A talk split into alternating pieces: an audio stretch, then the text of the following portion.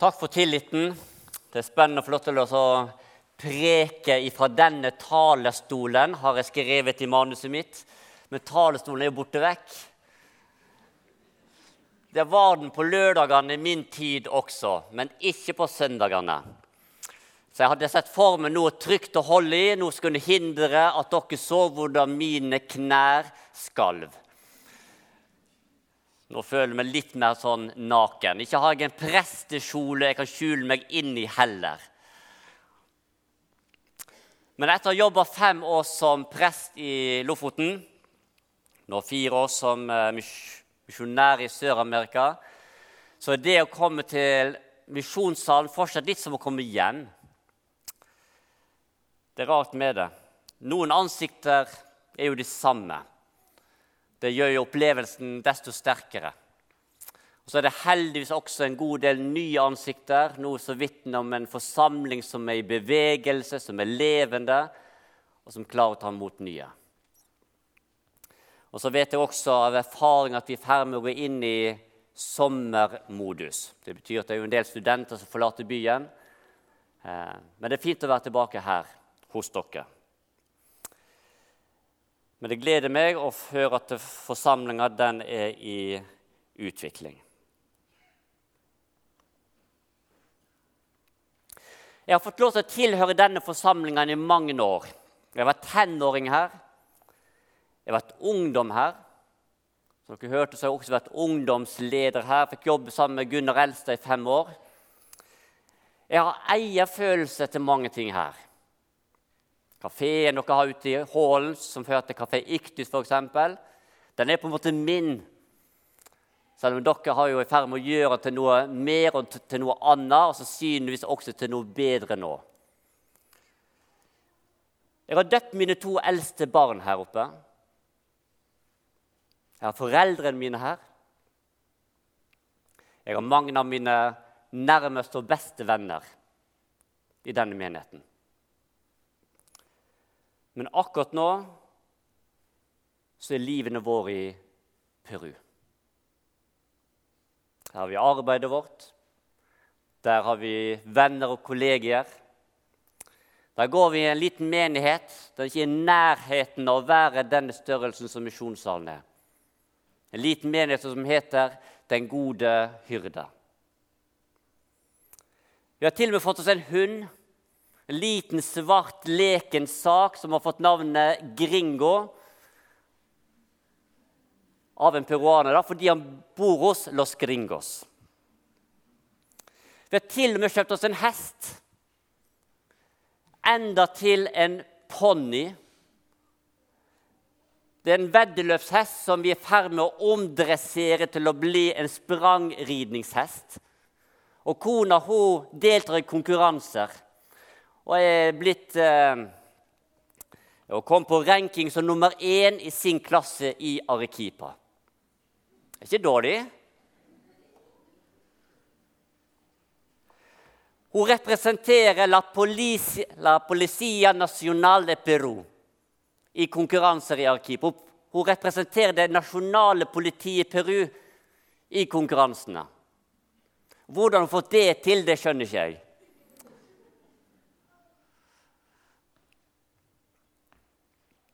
Ungene våre de snakker spansk. Nå i august så kommer alle tre til å gå i peruansk skole. Vi er veldig spent på hvordan det kommer til å, bli. Men Else, jenta vår hun gleder seg til å få lov til å begynne å gå i en stor klasse med mange barn. Vi har til og med hushjelp som lager middag til oss fem dager i uka og som rengjør huset vårt. Er det noen som har lyst til å bytte med meg, eller? Jeg syns det er strålende. Så kan du begynne å lure på hva er dette for hva slags misjonsinformasjon. Kanskje for å si det at det å være og det å bli misjonær det trenger ikke nødvendigvis være et ork og en prøvelse. Som om Gud kaller deg ut fra det gode livet og plasserer deg i noe som nødvendigvis må være trøblete. Det er ikke sånn det fungerer. Og så er det å bo et annet sted Det kan også være en belastning. Det er ikke det jeg ikke sier. Vi er tross alt langt ifra de som er våre nærmeste. Den eneste forskjellen på livet mitt før og nå, det er at den tjenesten som Gud har gitt meg, i en annen kontekst, i en annen kultur, i et annet land. Men oppdraget, det er det samme. Og så er vi samla nå på fjellet til SR-kurs. Dere har en hel gjeng med sånne misjonsledere fra de ulike feltene her i dag. Eh, der vi lærer litt om hva det innebærer å være stedlig representant. Altså, det handler om beredskap, det handler om HMS, det handler om økonomirutiner. Men det handler også om et fokus på det oppdraget vi er satt til å utføre. Og hvordan dette skal forstås. Og Så fikk jeg én føring for denne talen. Det var jeg måtte si noe om misjon. Skal vi se om vi kan finne litt hjelp i det som er prekenteksten denne søndagen. Og Den finner vi i Matteus kapittel 9, fra versene 35 og utover. Skal vi reise oss?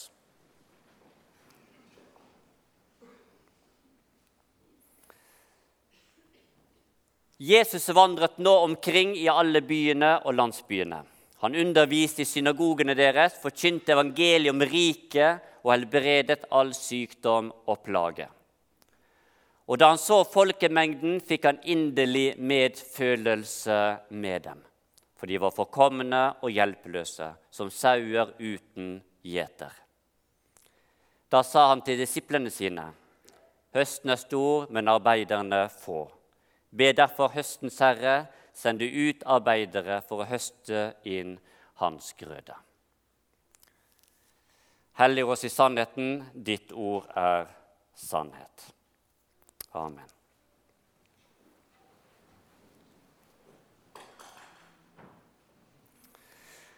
Jeg vet ikke om du noen gang har sittet på trikken og så har du sett på alle menneskene som går av og på denne trikken. Så har du spurt deg sjøl, eller kanskje du har spurt Gud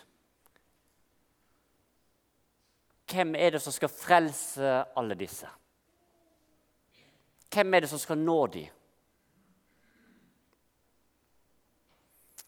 Jeg skal ærlig innrømme det har jeg gjort mange ganger.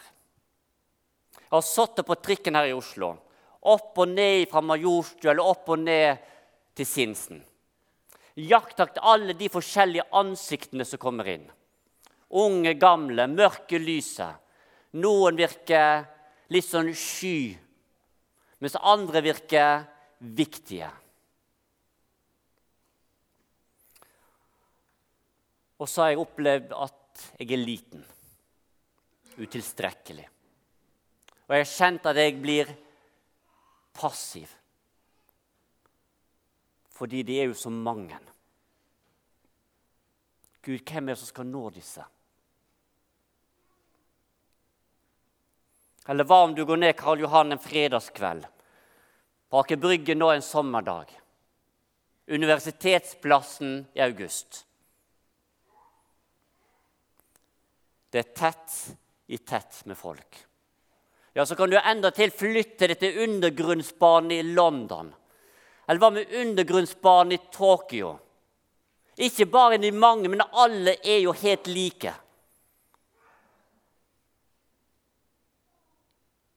Hvordan skal disse nås?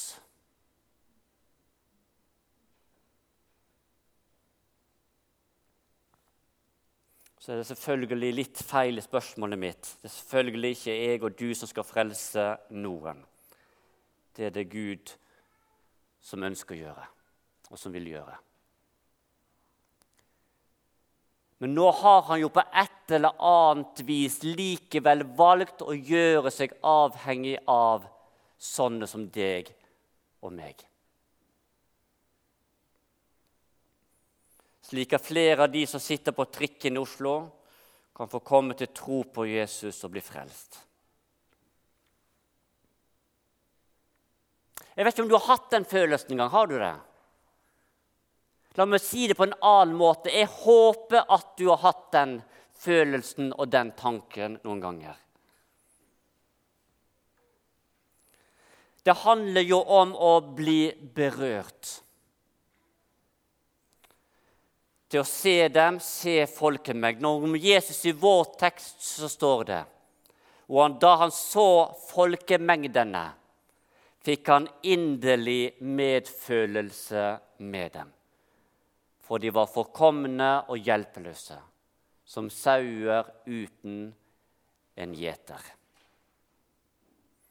Og da han så folkemengdene, fikk han inderlig medfølelse med dem. Og jeg tror det, at Når vi snakker om misjon, enten det er hjemme eller ute, så handler det om et oppdrag. Det handler på mange måter om å gjøre noe, om å si noe. Men jeg tror det må begynne med dette dette med å la seg bli berørt. Om å se det som Gud ser. Om å kjenne Guds hjerte slik at vi blir berørt av det som Gud lar seg berøre av. Se menneskers nød så står det også i teksten hvordan han helbreder sykdom. Vi vet hvordan han samtalte med enkeltmennesker. Hvordan han også henviser seg til store folkemengder.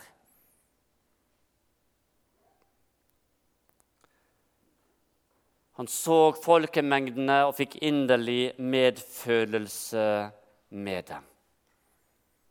Enten vi snakker om den selvsikre advokaten eller aksjemegleren, den mer usikre tenåringen, rusmisbrukeren på Plata, den promiskuøse homofile i Pride-toget, den sørgede ektemannen, familien som sliter med å få tid til alt sammen, hver på sin måte forkomne.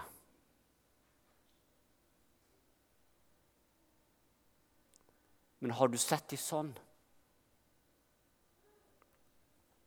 Hver og en bærende på sin nød.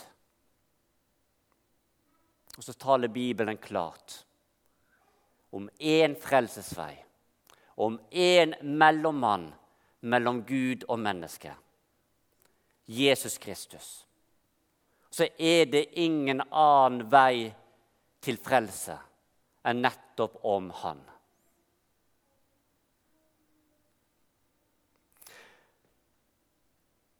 og hele denne frelsesfortellingen, som hele Bibelen er et uttrykk for Det begynner jo nettopp med en sterk pasjon, med et sterk om et dyptfølende engasjement, om en sterk smerte, om en sterk frelsesvilje, som gjør at Jesus Kristus velger å dø i ditt og mitt sted.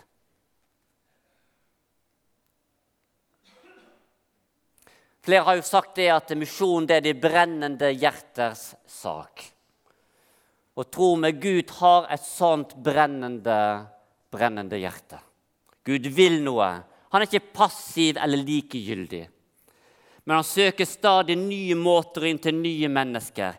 Og i den store folkemengden så ser han enkeltmennesker. Hver eneste en i undergrunnsbanen i Tokyo. Så ser han verbidigen.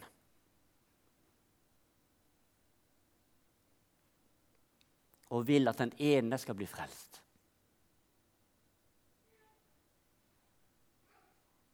Men hvem skal nå han? Hvem skal fortelle? Hvem skal møte det mennesket i sin nød?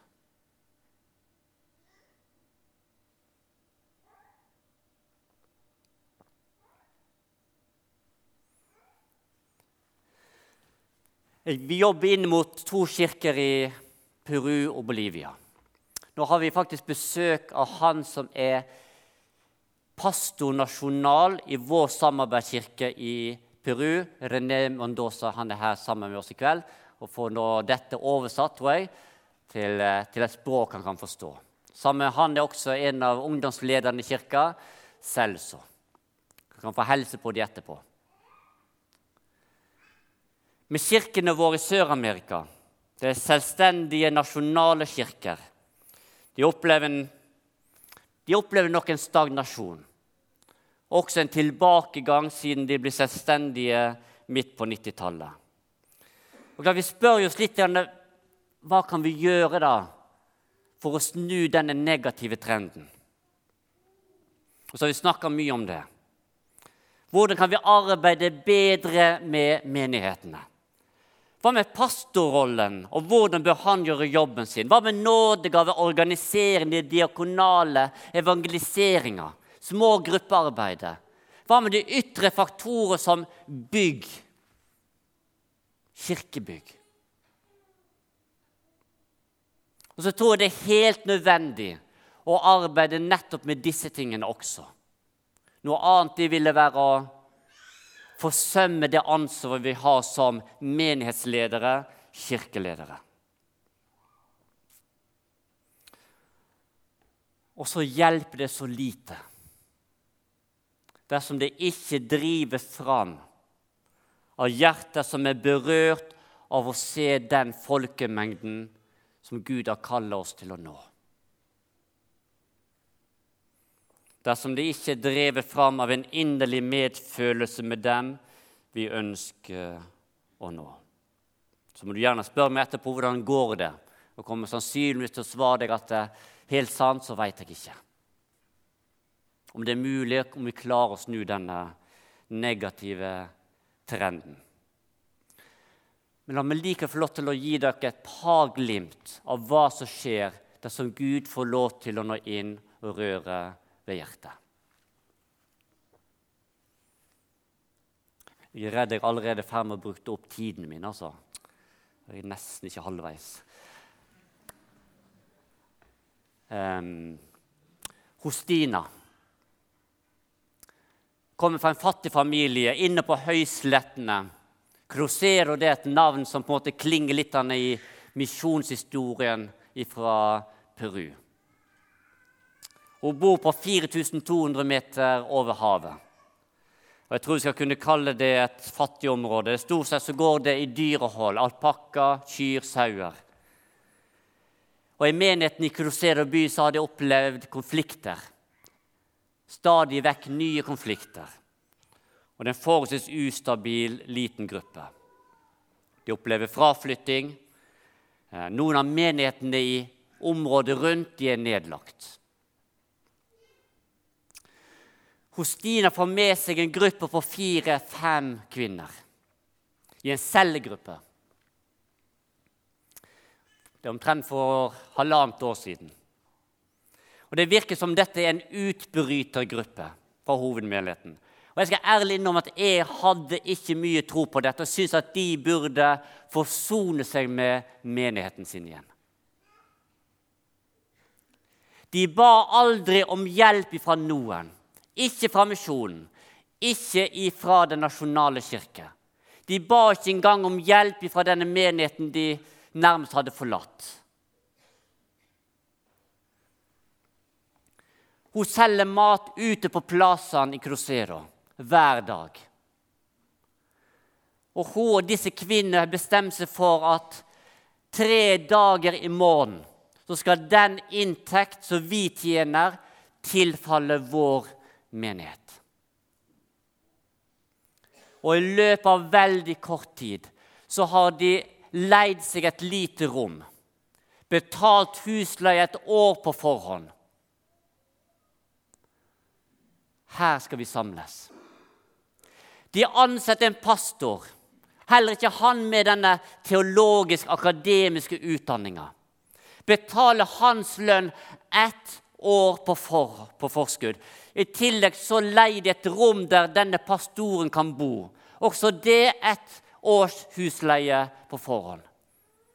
Og hvordan de har klart det, det skjønner jeg ikke. Og I dag så teller denne gruppa mellom 25 og 30 mennesker.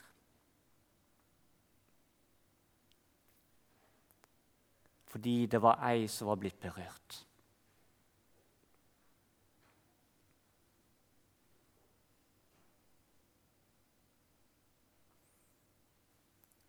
Det har enda ført til vekst i hovedmenigheten, som valgte å velsigne denne lille utbrytergruppa i stedet for å bli fornærma og sint. Noen nye er kommet til. Noen gamle har kommet tilbake. Hostine har ingen utdanning. Hun har ikke lest seg opp på kirkevekstteori. Og når pastoren ikke preker, så preker Hostina.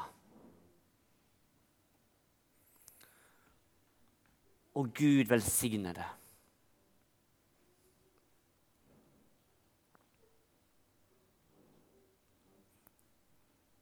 Og jeg tror jeg vet hvorfor. Hostina lot seg berøre. Hun så det som Gud hadde sett.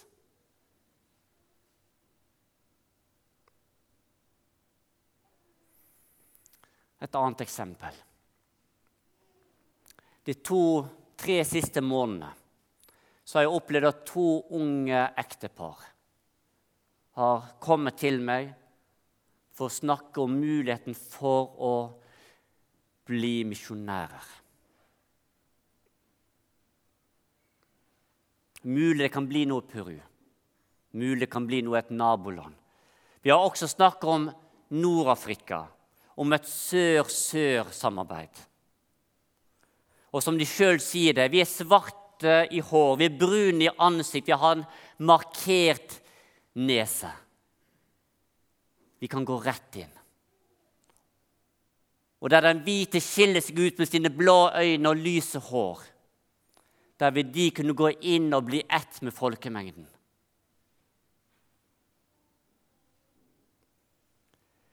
Og dette skjer i en kirke som knapt har fokus på misjon. Og i den grad de snakker om misjon, så handler det om evangelisering, om å banke på dører i nabolaget. Og hvordan de har fått denne tanken om at vi skal bli misjonærer fra. Reise til et annet sted. Og Vi snakker ikke da om å bli misjonærer som en type nordmann i Peru, med den standarden det innebærer. Vi snakker om et helt annet liv. Jeg vet ikke. Jeg nevnte, Vi snakket om det med kirkeledelsen. Kirkepresidenten sa det sånn. Jeg har alltid tenkt om misjon som at det handler om at misjonærer kom hit til oss.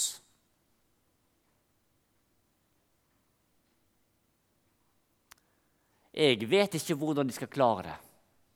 Hvordan, to, hvordan en liten, fattig nasjonalkirke skal kunne klare å begynne å sende misjonærer. Men kanskje har ikke Gud tid til å vente på at disse menighetene våre får en ordna økonomi.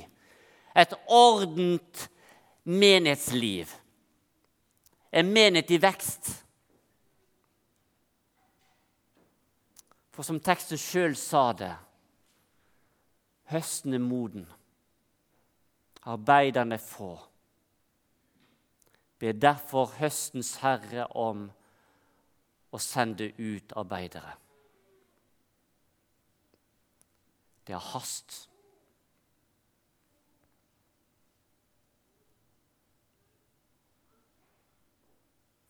Jeg tenker Det fins ikke noe større oppdrag enn dette. Jeg skal prøve å avslutte. Sammen så driver vi en misjonsorganisasjon som sender misjonærer. Men vi er også sammen i et menighetsfellesskap som Gud har gjort til et redskap nettopp for å nå mennesker i Oslo. Og i vårt eget hus så har Gud gjort et ansvar for våre barn, for våre ektefeller. Og så skal vi skjøtte vårt oppdrag der vi er. Et siste glimt fra Peru. For to uker siden var jeg samla på en sånn eh, nasjonal strategisamling. Det var rundt 30 ledere fra hele Den nasjonale kirke samla. Jeg vet ikke om du har vært på en sånn samling der de snakker om visjoner og misjoner og verdier. Så skal dette måtte defineres, så skal vi bli enige om hvor vi ønsker å gå. Hva vi ønsker å bli. Hvordan vi ønsker at andre skal oppleve oss. Og Iallfall så møter vi i fall en realitet av vi har noe, noe hjelp utenfra. Visjon det er noe vi ønsker å bli. Misjon det er noe vi ønsker å gjøre. Og så skal vi som nasjonalkirke prøve å definere dette, da. Hva vi er, og hva vi skal gjøre. Men etter hvert som vi jobber med dette, så stiger jo da tvilen i oss er det i hele tatt mulig å skille mellom hva vi er, og hva vi gjør som kirke og som menighet? Er det ikke nettopp det vi gjør, som bestemmer også noe av hvem vi er?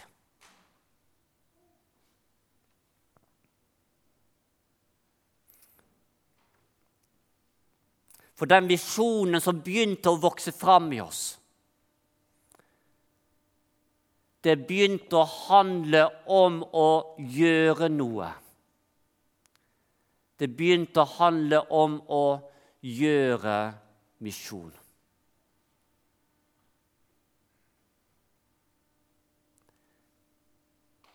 Det ble visjonen. Å være en kirke som gjør misjon. Fordi hvis vi ikke er en kirke som gjør misjon, er vi da en kirke? Er det helt at mulig å se for seg å være et kristent fellesskap uten å nettopp være berørt av det som Gud har sett? Av folkemengdene.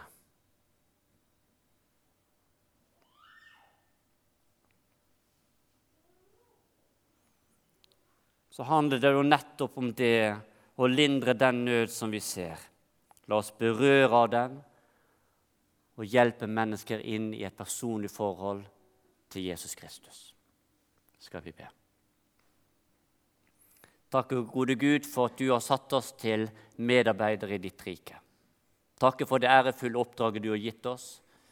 Takke deg for den nåde du har vist oss, at du har satt oss inn i en relasjon med deg. Hjelp oss til å vise veien for andre mennesker. Velsigne oss. Amen.